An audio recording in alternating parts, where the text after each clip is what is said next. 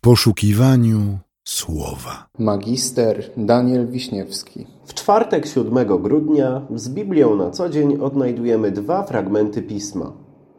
Pierwszy z nich pochodzi z Księgi Sędziów, z rozdziału 10, z wersetu 10.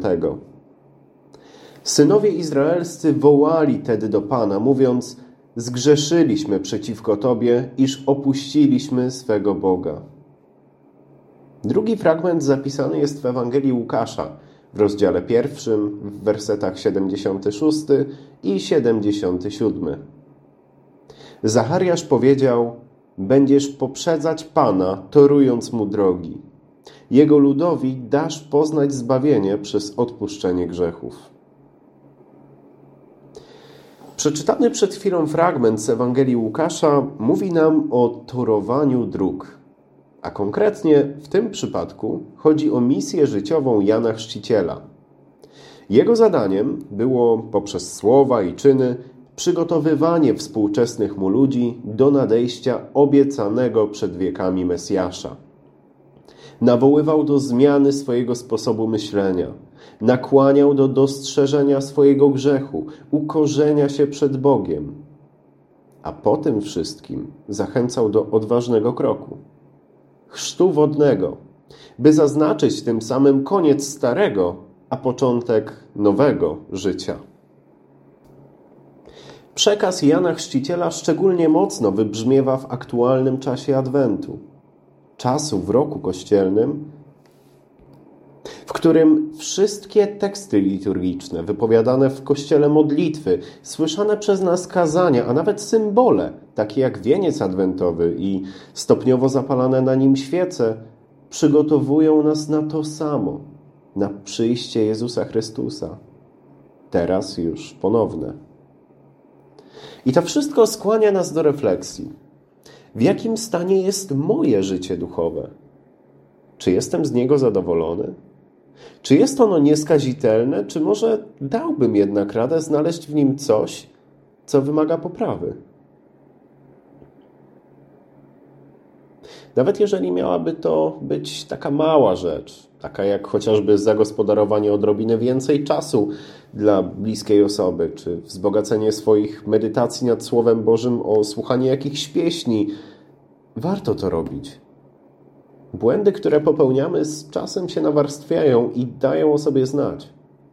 Wspomina o tym na przykład piękny cytat Cezarego z Arles, który możemy sobie przeczytać również w dzisiejszym z Biblią na co dzień. Nie chciej lekceważyć grzechów Twoich dlatego, że są małe, ale bój się, że są liczne, bo i krople deszczu są malutkie, a jednak napełniają rzeki, a później poruszają kamienie młyńskie i drzewa z korzeniami niosą. Więc po prostu, na ile to możliwe, bądźmy gotowi. To jest niezwykle istotne. A dlaczego? Kiedyś nadejdzie taki dzień, w którym dokona się osąd na wszystkich ludziach, wszystkich miejsc i czasów. Nadejdzie taki dzień, że ta zasłona, którą ciągle mamy na oczach i uniemożliwia nam zobaczenie tego, co istnieje ponad wymiarem materialnym, zostanie zrzucona. Dzień, w którym poznamy rzeczywistość tak, jak nas samych poznał Bóg. Ale dzisiaj ten dzień jeszcze nie nadszedł. Dzisiaj jeszcze ludzie błądzą w mroku, nie wiedząc, potykając się i poszukując drogi, która by zaprowadziła ich dokądś. A tymczasem my, chrześcijanie, pomimo wszystkich swoich wad, mamy światło. Znamy Jezusa Chrystusa. Ba, mało tego, my nawet wiemy, którędy w życiu iść.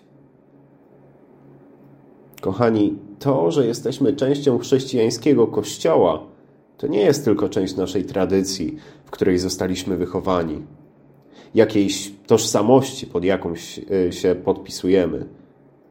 To jest wielka możliwość, by pomagać ludziom, których widzimy, że są w potrzebie, bo przez naszą wiarę możemy im dać tak wiele. I jest to też życiowe zobowiązanie, by na różne sposoby nieść im światło. Tak jak to robił Jan Chrzciciel. tak jak to robił Jezus. I tak jak wspomnieliśmy wcześniej, misja, wcześniej zlecona Janowi Chrzcicielowi, spoczywa teraz w pewnym sensie na nas.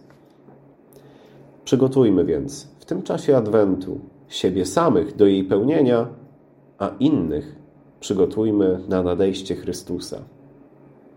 Amen.